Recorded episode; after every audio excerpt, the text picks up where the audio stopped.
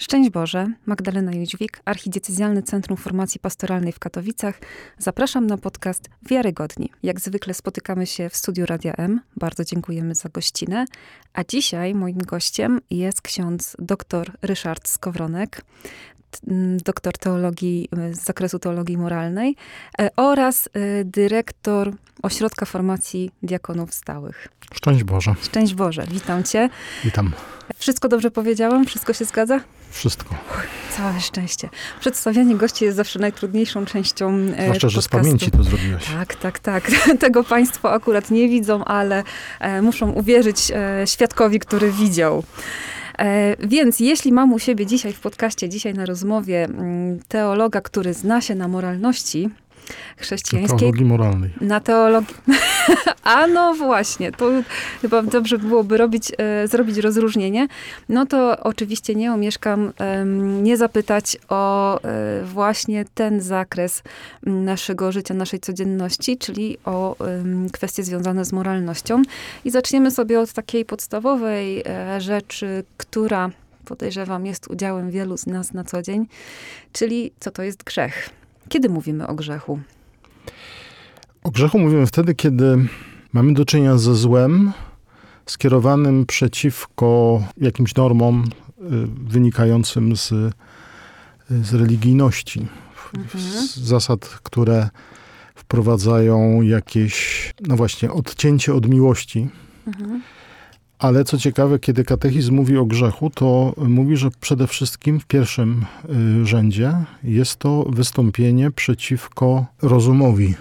Okay. Dokładnie y, punkt 1849. Grzech jest wykroczeniem przeciwko rozumowi, prawdzie, prawemu sumieniu i jest brakiem prawdziwej miłości. Gdybyśmy szli w tej kolejności, co nam się może wydawać nieco zaskakujące, że autorzy katechizmu jako pierwszy poziom właśnie y, mówią o rozumie. Będziemy pewnie za chwilę mówić o sumieniu, które jest właśnie władzą rozumu i chyba stąd to, y, że grzech jest wystąpieniem przeciwko osądowi sumienia, czyli mhm. przeciwko rozumnemu spojrzeniu na prawdę, na świat, a w konsekwencji też na miłość wobec Boga i wobec bliźniego. A skąd my wiemy, że coś jest grzechem? Bo y, nawiązuję mhm. do tego, o czym powiedziałeś, że grzech jest wystąpieniem przeciwko rozumowi. Mhm. No to jeśli sobie pomyślimy, ilu ludzi żyje na świecie y, i że każdy z nich jest istotą rozumną, to by znaczyło, że po prostu to rozeznanie, czy coś jest grzechem, czy nie, jest po prostu y, związane z naszą naturą ludzką, z tym, że jesteśmy ludźmi, którzy mają to gdzieś jakby już zaprogramowane. Tak to można stwierdzić? Poniekąd tak, ale mhm.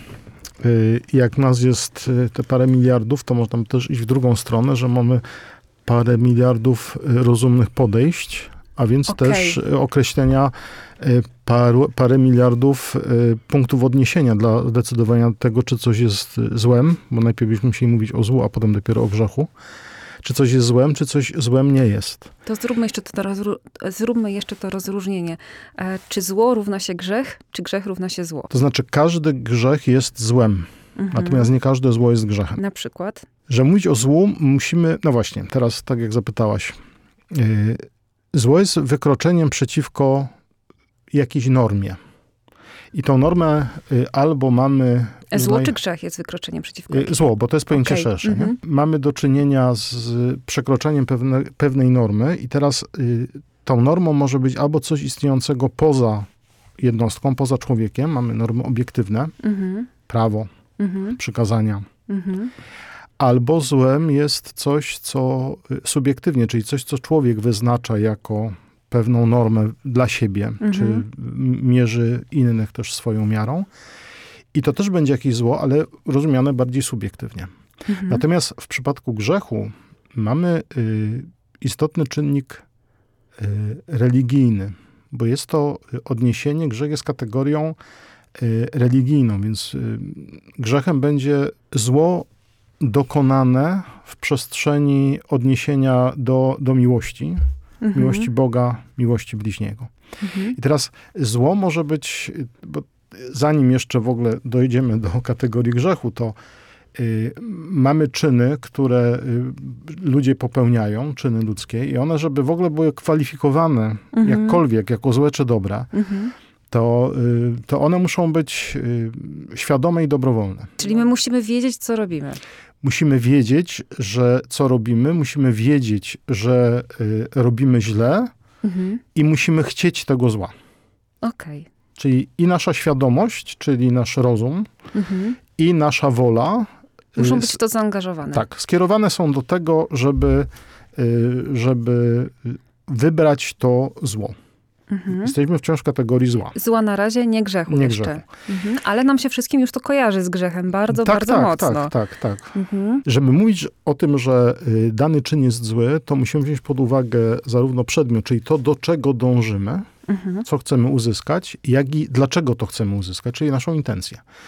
I teraz, jeżeli mm, mamy kategorię przedmiotów, które są z definicji złe, na przykład. Musimy to na przykładach Na przykład y, pozbawienie to... życia drugiego człowieka. Okej. Okay. I będzie zawsze przedmiotem złym. Mhm. Niezależnie od tego, jakbyśmy to uzasadniali. Tak. Mhm.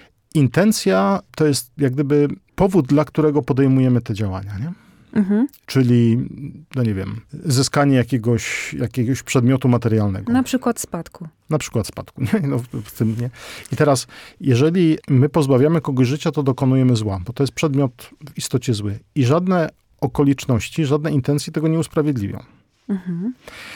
Dlatego, jeżeli jakaś, jakieś działanie człowieka jest, mówimy mądrze, w przedmiocie złe, czyli wyborem jest zły przedmiot, mhm to nie ma możliwości, żeby z tego powstało jakieś dobro.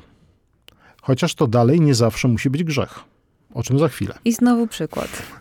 Może za chwilę jeszcze, okay. bo, teraz, bo teraz, ale mogą być też kategorie y, przedmioty dobre. Na przykład, nie wiem, udział w Eucharystii. Z naszego punktu widzenia jest dobrem, jest mhm. przedmiotem dobrym. Y, w celu zdobycia podpisu dla bierzmowańców. To oczywiście u nas diecezji się nie zdarza. Ja tylko, ja tylko przypomnę, że mam tutaj przed sobą byłego proboszcza.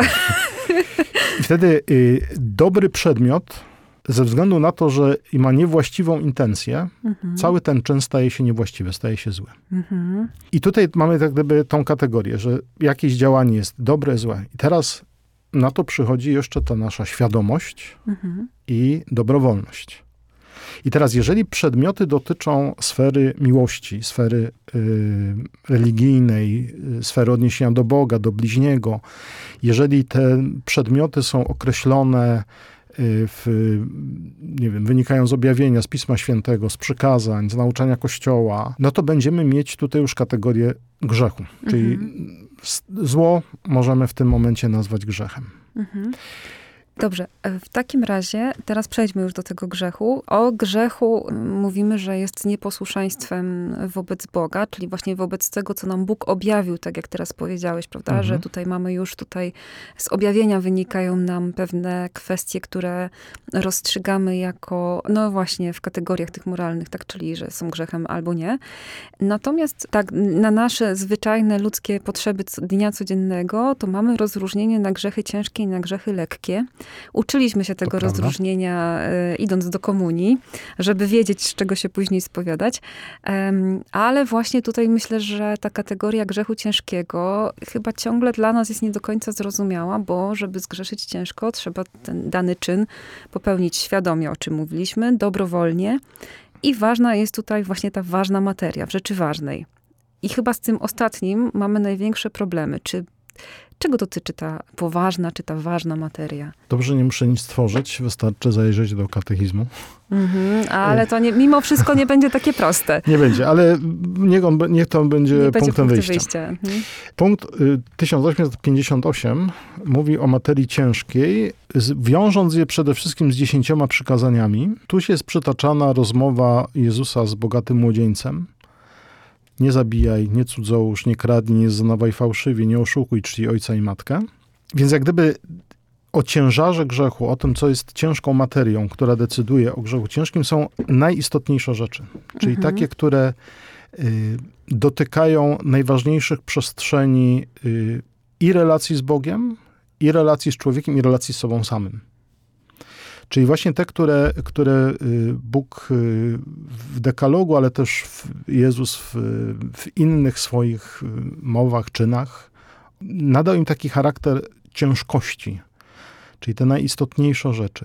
Nie zabijaj nam się jakoś najbardziej, nie cudzołóż też, nie kradnij, nie mów fałszywego świadectwa. No to są rzeczywiście rzeczy, które i w odniesieniu, w odniesieniu do drugiego człowieka, ale także w odniesieniu do siebie samego, dotykają gdzieś takiej istotności, godności człowieka. Mhm. I jeżeli występujemy przeciwko tej najistotniejszej wewnętrznej cesze człowieka, jego godności, jego wolności, jego życiu, to to wyznacza przestrzeń materii ciężkiej. No dobrze, ale z drugiej strony, jak y, przeczytamy ten sam katechizm i mamy w katechizmie wyszczególnione poszczególne przykazania, co one oznaczają, jakie nakładają na nas obowiązki, albo e, kiedy grzeszymy przeciwko tym przykazaniom, no to chyba zgodzisz się, że nie wszystko, co tam jest napisane w, w katechizmie, e, jest grzechem ciężkim, jeśli tego nie robimy. Jest to jeszcze bardziej skomplikowane, mhm. bo już ten sam punkt, który rozróżnia tą mhm. materię, mówi, że należy jeszcze uwzględnić pozycję osób poszkodowanych, yy, oraz wielkość policzalną nawet rzeczy, nie? w przypadku kradzieży na przykład. Nie? Czyli y, y, wiemy, że y, nie kradnij mieści się w przestrzeni materii ciężkiej, mhm. ale jeszcze trzeba uwzględnić tą okoliczność, bo w decyzji o ciężarze moralnym jeszcze jest takie zjawisko jak okoliczności, y, co też będzie miało znaczenie. Nie? Wartość tego przedmiotu, czy na przykład bliskość relacji z drugą osobą, jeśli mówimy o, o wystąpieniu przeciwko godności, czy, czy fałszywym oskarżeniu, to wszystko będzie miało znaczenie. Mhm. Żeby jeszcze bardziej skomplikować rzecz, bo tu mamy materię ciężką, która jest jedną ze składowych tego, co nazywamy grzechem śmiertelnym, grzechem ciężkim. Mhm.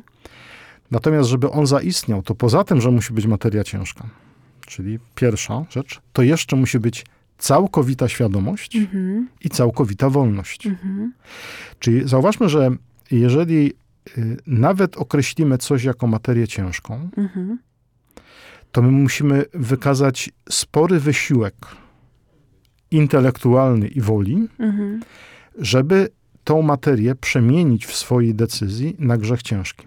Dlatego znaczy, ja... Generalnie nie polecamy, ale tak. na potrzeby tego naszego dzisiaj, tej naszej dzisiejszej rozmowy jednak spróbujemy trochę to rozwałkować. Yy, to znaczy, na pewno, yy, i to Biblia potwierdza, to potwierdza pierwszy list yy, świętego Jana, są grzechy, które powodują śmierć.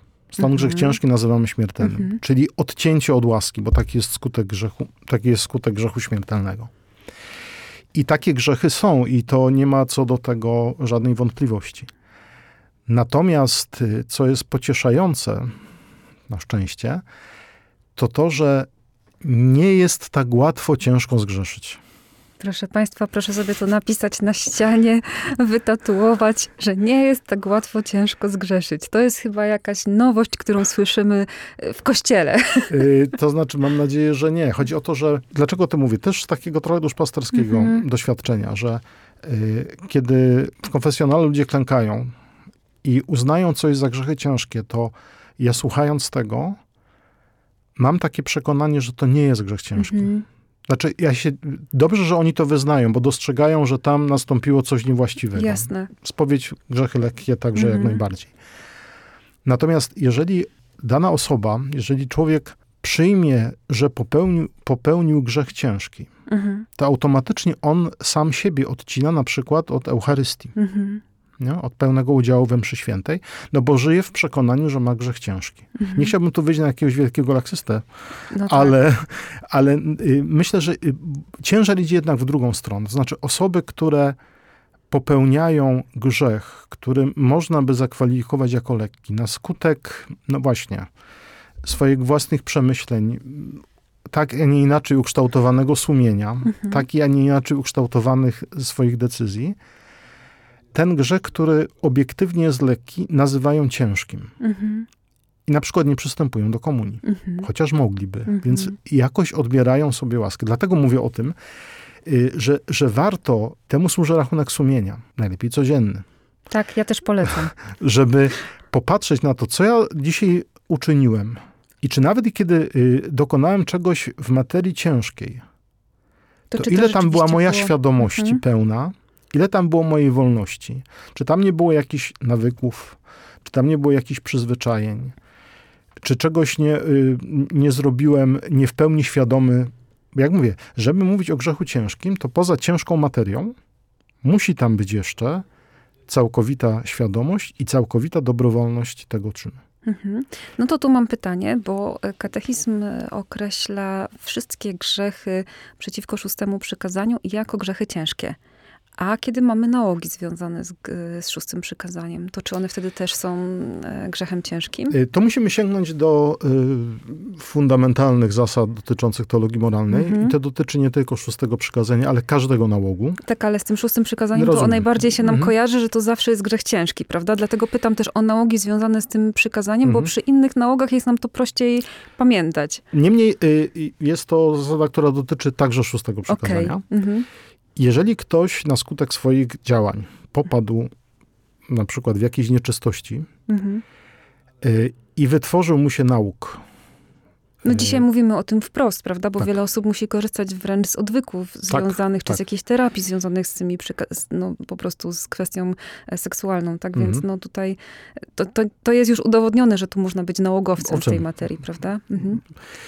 Jeżeli ta osoba podejmuje trud, mhm. aby nie, nie, ulegać temu nałogowi, mhm. a jednak mu się zdarzy, mhm.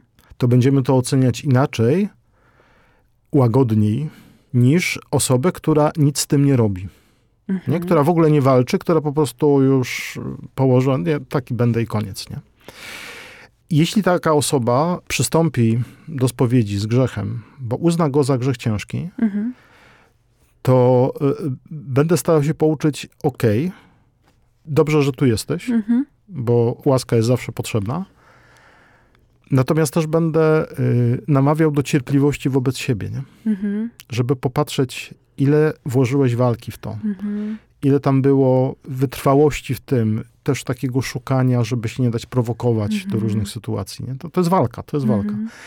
Im więcej jest tej walki, im więcej jest tego trudu, tym łagodniej będziemy oceniać i też ten człowiek powinien łagodniej oceniać, nawet jeśli mu się ten grzech przeciwko szóstemu przekazują, przeciwko jakomu innemu, wynikający z nałogu zdarzy.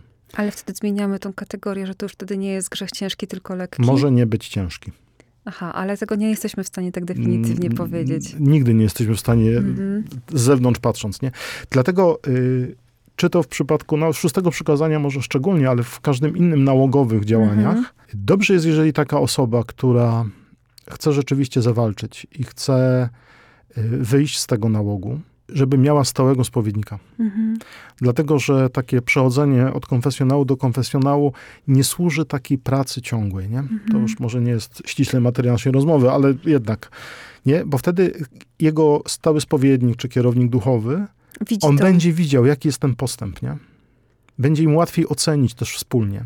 Dobrze jest, żeby jednak, nawet jeśli ten grzech nie byłby uznany za ciężki mhm. już, na mhm. szczęście, mhm. to żeby jednak z niego się też spowiadać. Mhm. Dla nas właśnie takiej pracy, to jest też element pracy nad sobą, tego wysiłku wkładanego w to, żeby, żeby znał. No i też, no to trochę materia boczna, czyli psychologia nam mówi o, o, o nałogach, o nawykach, nie? Mhm. tak to nazywając, i, i pokazuje też pewne mm, sposoby jakby wyprowadzenia się z tych, z mhm. tych nałogów. W tym temacie myślę, że jest jeszcze druga skrajność, to znaczy e, z kolei pewnie jest sporo osób takich, które uważają, że no dobrze, jestem nałogowcem w jakiejś dziedzinie, no to to już z, jakby z samego faktu, że to jest nauk, e, sprawia, że w takim razie to jest zawsze grzech lekki, bo nie ma tutaj całkowitej hmm. mojej dobrowolności, a z tego, co powiedziałeś, to wynika, że jednak dobrze by było, mm, żeby trochę pracować nad sobą, żeby tą kwalifikację tego e, czynu, czy tego grzechu można było przenieść z ciężkiej ciężkiej na lekką.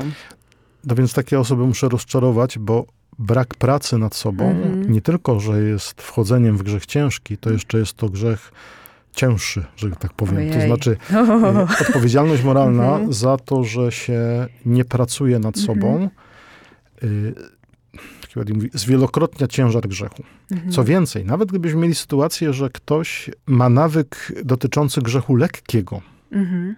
a nie pracowałby nad tym, to przez powtarzalność, przez brak pracy, taki grzech się może stać, stać się ciężkim. Stać się ciężkim, nie? Mhm. Bo zwielokrotnienie, trwanie w grzechach lekkich też osłabia sumienie, nie? też osłabia mhm. wolę. Mhm. Więc może doprowadzić do, do grzechu ciężkiego jakiegoś, ale też sam fakt tego, że się nie pracuje nad, nad jakimiś złymi nawykami, y, nie pracuje się, nie formuje się z siebie, swojej woli w kwestii grzechów lekkich, właśnie lekceważąc je, może doprowadzić, że przez powtarzalność y, może zaistnieć grzech, grzech ciężki. Mhm. No dobrze, no to jak pracować nad sobą w takiej codzienności, żeby z kolei nie narazić się na pelagianizm? Muszę o to zapytać jako dogmatyk.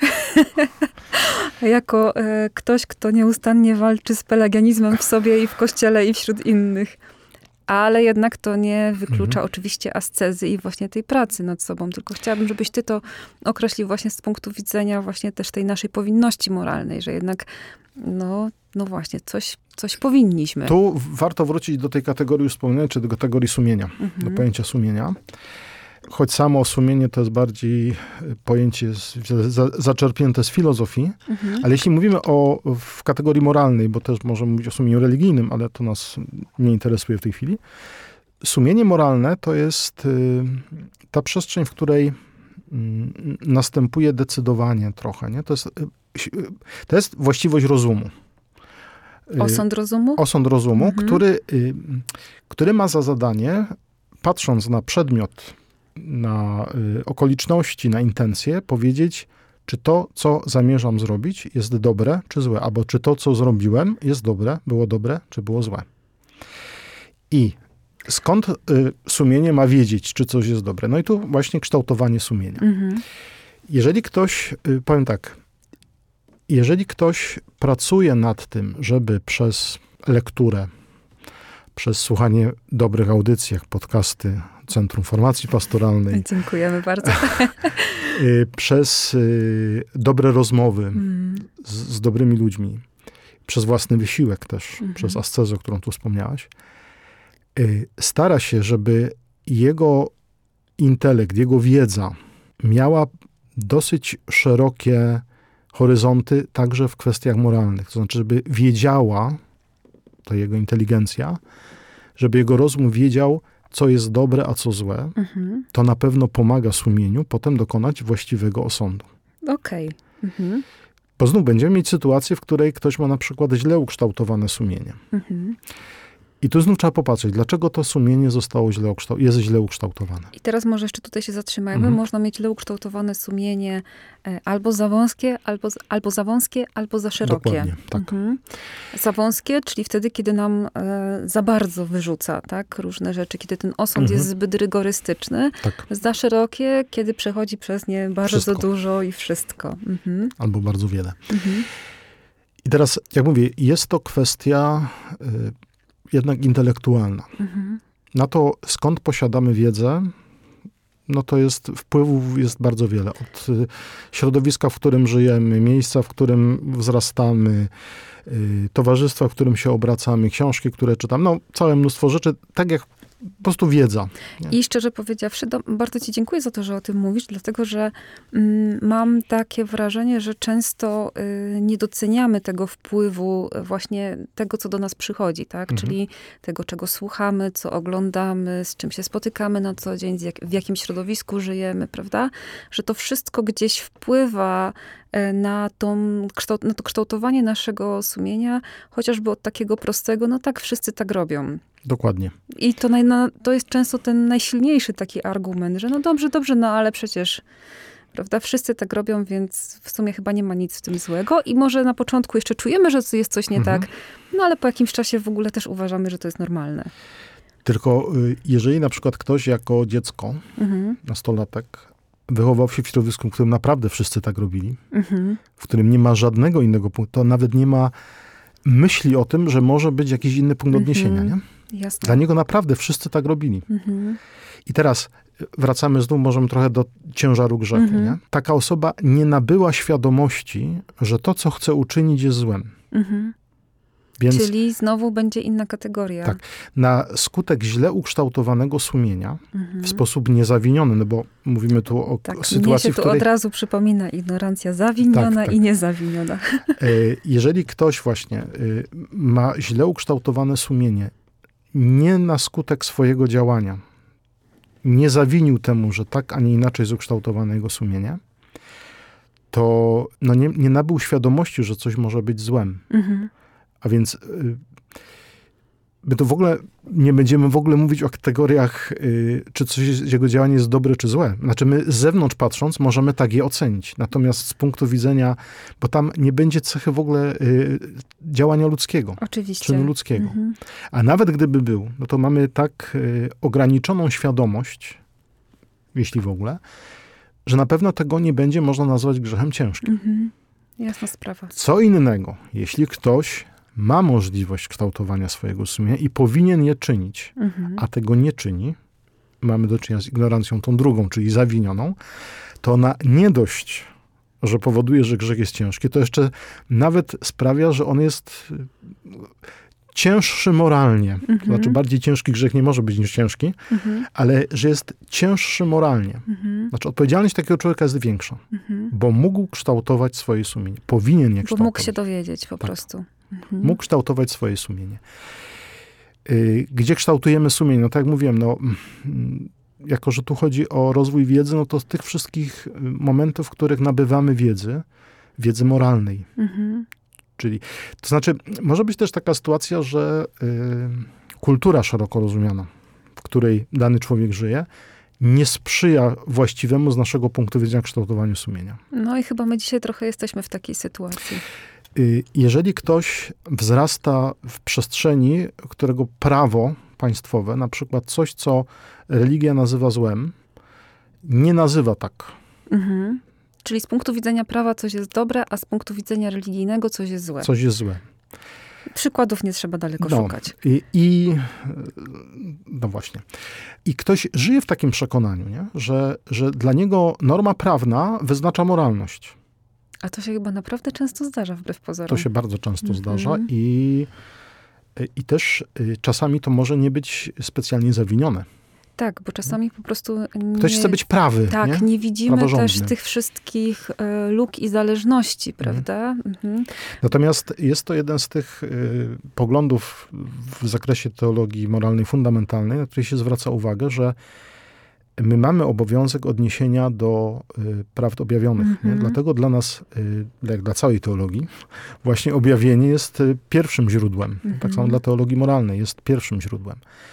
Jeżeli więc y, rodzi się w nas takie przekonanie, że no dobra, jest taki, takie prawo, taki zwyczaj, ale coś mi tu szwankuje, nie? Mhm. Z, w porównaniu z tym, co czytam w Ewangelii, no to sięgam do Ewangelii. Mhm. Czyli Sięgam pierwszeństwo Ewangelii. Tak. a później Tak. dopiero e, cała reszta. Mhm.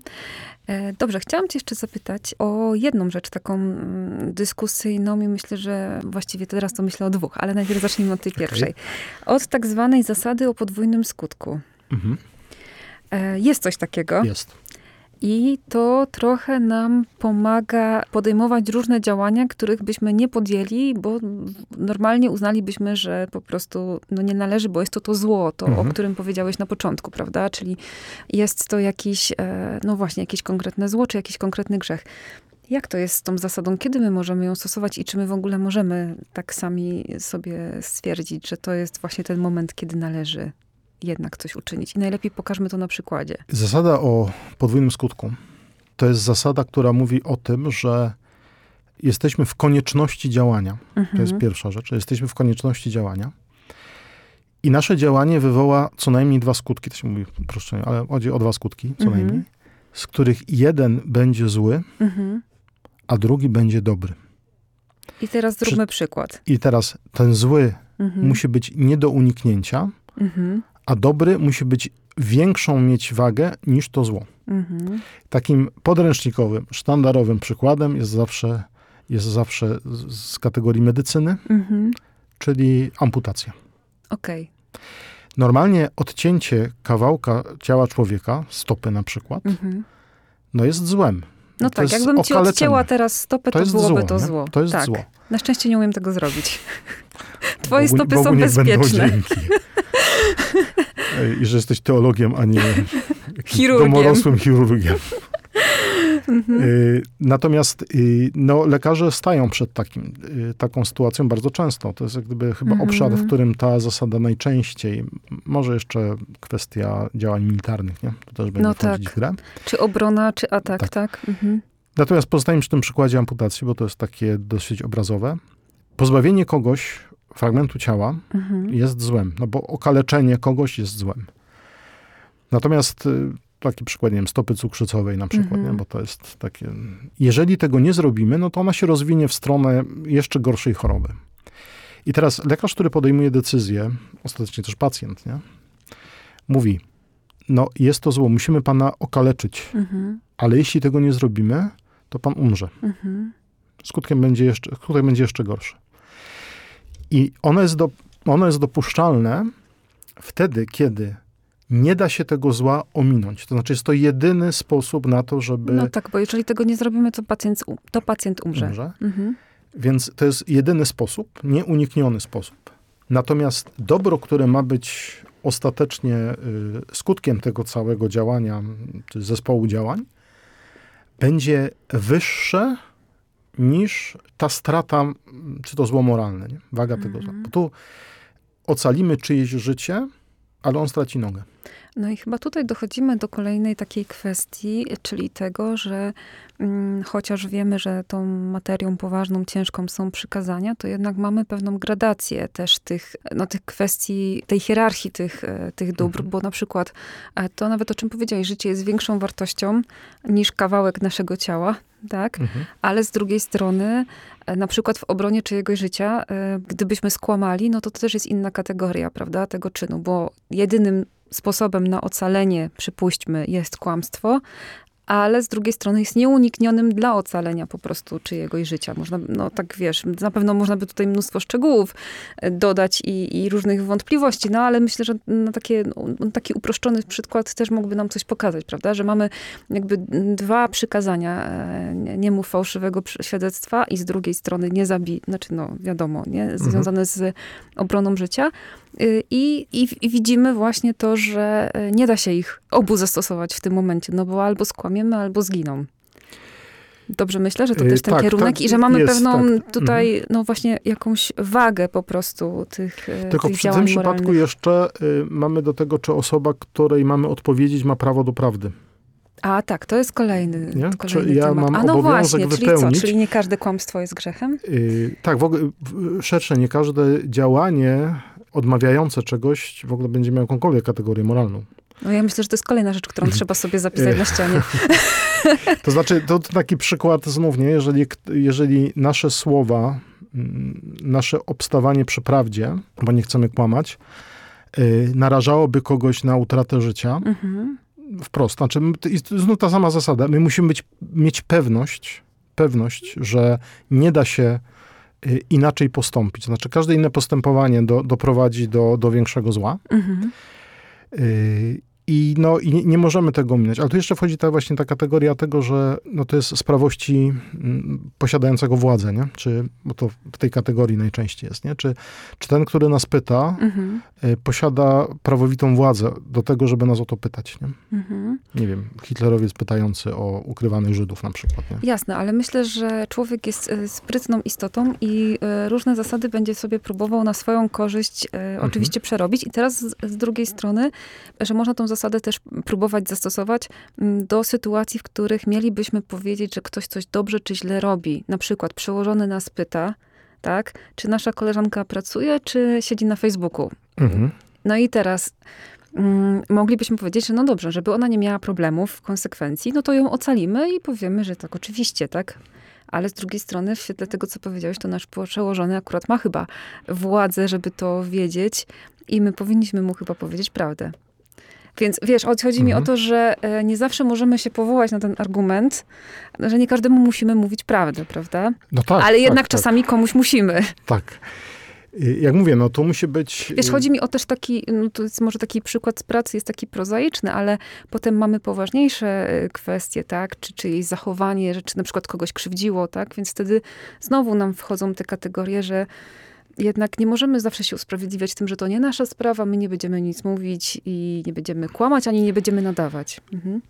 No, takim przykładem, który teraz jest też, e, no to jest sprawa pedofilii, ukrywania mhm. pedofilii, tylko w kościele, w kościele także, nie? Czyli mhm. takiego fałszywego poczucia jakiejś jedności korporacyjnej, nazwijmy mm -hmm, to, nie? Mm -hmm. Nie, wtedy nie, dlatego że żeby zasada o podwójnym działaniu, podwójnym skutku miała, miała, miała sens, to ona po pierwsze z tego musi wyjść dobro. To znaczy, i to dobro musi być większe niż potencjalne zło, którego nie możemy uniknąć. Tutaj mamy, po pierwsze, mamy sytuację, w której nie musimy unikać, znaczy tam nie ma koniecznego zła. Mhm. Nie? Tu, tu nie ma koniecznego zła. Bo powinniśmy akurat w tym przypadku powiedzieć prawdę.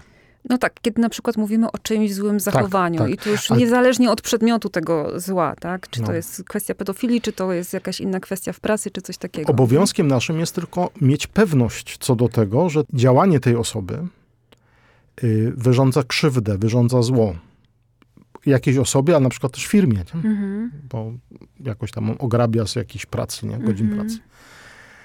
Natomiast, y, no jak mówię, no tutaj nie ma tego konieczności zastosowania tego, tego zła, nie? tego elementu, tak jak odcięcie kończyny, no jest konieczne. No tutaj nie mamy tego, nie? Bo, bo tu jednak powinniśmy powiedzieć prawdę. Nie? A jeśli powinniśmy zareagować, a nie reagujemy, to jaka jest nasza odpowiedzialność no moralna? No to mamy udział w grzechu cudzym. Mhm. Bo czasami, wiesz, niektórzy uważają, no Możemy dobrze, mieć udział w grzechu mhm. cudzym. Że na przykład niektórzy mówią, no dobrze, no ale przecież to już było dawno, a właściwie nie będę, e, nie wiem, tam komentować, mówić, reagować. Ten człowiek wie, sam się nawróci, czy jakoś tam sam e, też wie, co robi, prawda? Tak się odcinamy trochę od takiej mm, odpowiedzialności też trochę za drugiego człowieka. No i chyba też od to jakie te skutki tego czynu, tego człowieka przynoszą innym ludziom, prawda? Dokładnie. Właśnie tutaj w kwestiach pedofilii czasami, mm, no, zostanę przy tych kwestiach, bo tutaj jest mhm. E, e, dość duży i taki wyraźny ten przykład, mm, dość taki na, naoczny, że niektórzy mówią, no ale przecież to było dawno, tak, e, czy tam, czy to kogoś, czy to kogoś osobiście dotknęło, czy, czy widział to, no to było dawno, może się już poprawił, nawrócił, albo może to już warto zostawić. No właśnie, pytanie, czy, czy tutaj e, rzeczywiście możemy się tak łatwo usprawiedliwiać i stwierdzać, że ponieważ coś tam było dawno, to my już teraz nie będziemy mhm. na to reagować. Dzisiaj też dostajemy informację, że właśnie powinniśmy, prawda? Nawet jeśli coś było dawno, to zgłosić, bo nie wiadomo, czy to była tylko nasza sprawa, prawda? Po pierwsze, no tu akurat jest tak bardzo drastycznie, powinna w nas rodzić się troska o y, krzywdzonych. Mhm. To jest jak gdyby pierwsze bo może minęło tam wiele lat, mhm. ale nie wiemy. Na pewno został ktoś skrzywdzony. Mhm. Znaczy, w naszym, mamy taką wiedzę, nie? Mhm. że pewność wewnętrzną, że, że ktoś został skrzywdzony. I to jest pierwsze. Nawet jeżeli y, ta, ten krzywdziciel w naszym mniemaniu nawrócił się, nie popełniał tego, nie? To jednak zostaje do odpłacenia krzywda. Mhm.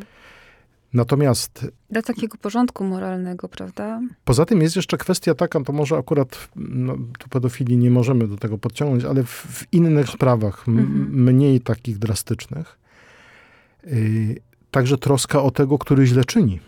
No tak. Nie? Bo może on akurat jest z tych, którzy mają niezawinioną ignorancję. On sobie nie zdaje sprawy z tego, że nie tylko wobec innych, ale wobec siebie dokonuje jakiegoś zła. Nie? Dlatego nasze upomnienie ma też ten charakter, że, że e, pracujemy czy pomagamy wypracować właściwie sumienie tego człowieka. Jak mówię, to akurat w przypadku pedofilii to nie, bo tam nie ta, nie ta kategoria, ale no wiemy, że ktoś, nie wiem, no, dokonuje jakichś, no na razie błahych rzeczy, nie? Jeżeli mhm. powiemy, a to taka drobnostka, nie, to tam no, to taki no, dzieciak na przykład, taki dzieciak może sobie nie zdawać sprawy z tego, mhm. nie? Bo wzrasta w takim środowisku, w którym nikt mu tego nie powie, że to jest złe. A? W którym inni kradli 20 zł, no, a on przykład. kradł tylko 5. Na przykład. Mhm. No dobrze, ale teraz jeszcze sobie tak myślę z tego, co mówisz, w kwestii tego kształtowania sumienia, że chyba też te nasze reakcje pozwalają na to, żeby ktoś mógł ponieść konsekwencje swoich czynów, prawda? Mhm. I to ponoszenie konsekwencji chyba też jest ważne dla kształtowania naszego sumienia, bo z jednej strony to, o czym mówiłeś, że karmimy to swoje sumienie tym, mhm. co do nas przychodzi, ale z drugiej strony, kiedy ponosimy konsekwencje naszych czynów, to chyba lepiej też no, doświadczamy ich realnego zła. Czy tak można ta, to określić, że właśnie też ta odpowiedzialność nasza za drugiego człowieka i za upominanie innych, mhm. no ma też do tego doprowadzić, żeby on się tak realnie zmierzył też z tym, co robi, a nie tylko wiedział, że to złe, ale tego nie czuł. Czasami jest, zanim ten to, taki jest zaniedbany moim zdaniem bardzo piąty warunek dobrej spowiedzi, mhm. czyli zadośćuczynienie. Mhm.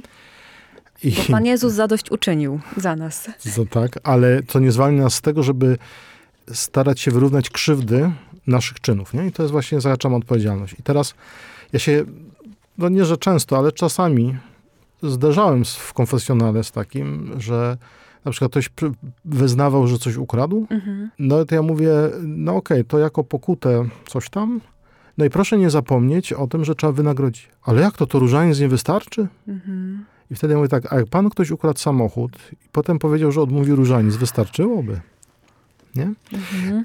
Niestety, czujemy, czujemy to. Niestety jest tak często, że my, y, nawet jeżeli wiemy, że coś jest złe, że zrobiliśmy coś złego, to czasami nam się wydaje, że y, różaniec wszystko załatwi. Nie? Mhm. Znaczy ta pokuta zadana załatwi.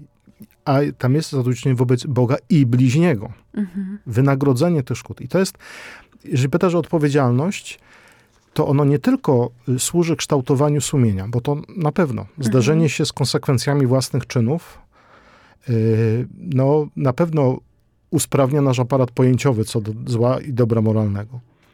Ale za tym też powinno iść, że my odpowiadamy wobec tych, którym zawiniliśmy, mhm.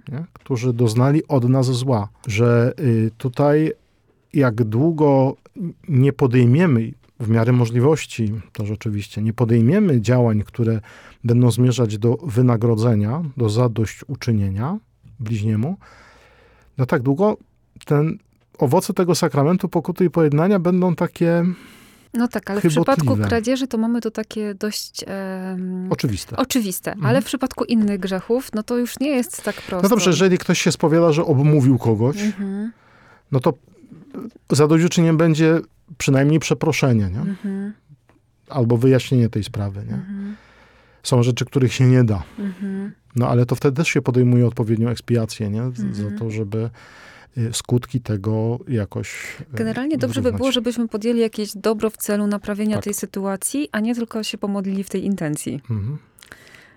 mhm. No to teraz już widzimy, że ta sprawa... I to powinno być, to zadośćuczynienie powinno być... Um, jak gdyby wagowo jak najbardziej zbliżone. zbliżone do tego zła, które uczyniliśmy. No nie wiem, no y, może drastyczne no, przykłady, ale nie wiem, no ktoś y, dokonał wypadku ze skutkiem śmiertelnym. Mm -hmm. No to tak, życia nie wróci. Ale no, ale może zacząć służyć innym, nie? Mhm. Może podjąć, nie wiem, posługę w hospicjum. Mhm. Szczelam teraz, przykład. nie? Czyli mhm. coś, podjąć coś, co, co, co jakoś będzie wyrazem tego, że ja chcę naprawić. Bo odpowiedzialność mhm. polega na tym, że ja się zmierzam ze skutkami swojego działania. Mhm. No to na koniec wróćmy jeszcze do tego sumienia. Um, już mówiliśmy o tym, co jest ważne dla jego formacji, dla jego kształtowania. Kiedy sumienie możemy określić jako zdrowe i odpowiedzialne? Kiedy możemy tak zdiagnozować u kogoś, że ma takie zdrowe i, mm, no i właśnie, takie rzeczywiście dobrze ukształtowane sumienie? Bo o patologiach to już też troszeczkę, mhm. też trochę powiedzieliśmy. Przede wszystkim zdrowe sumienie będzie y, w stanie dobrze osądzić. Mhm.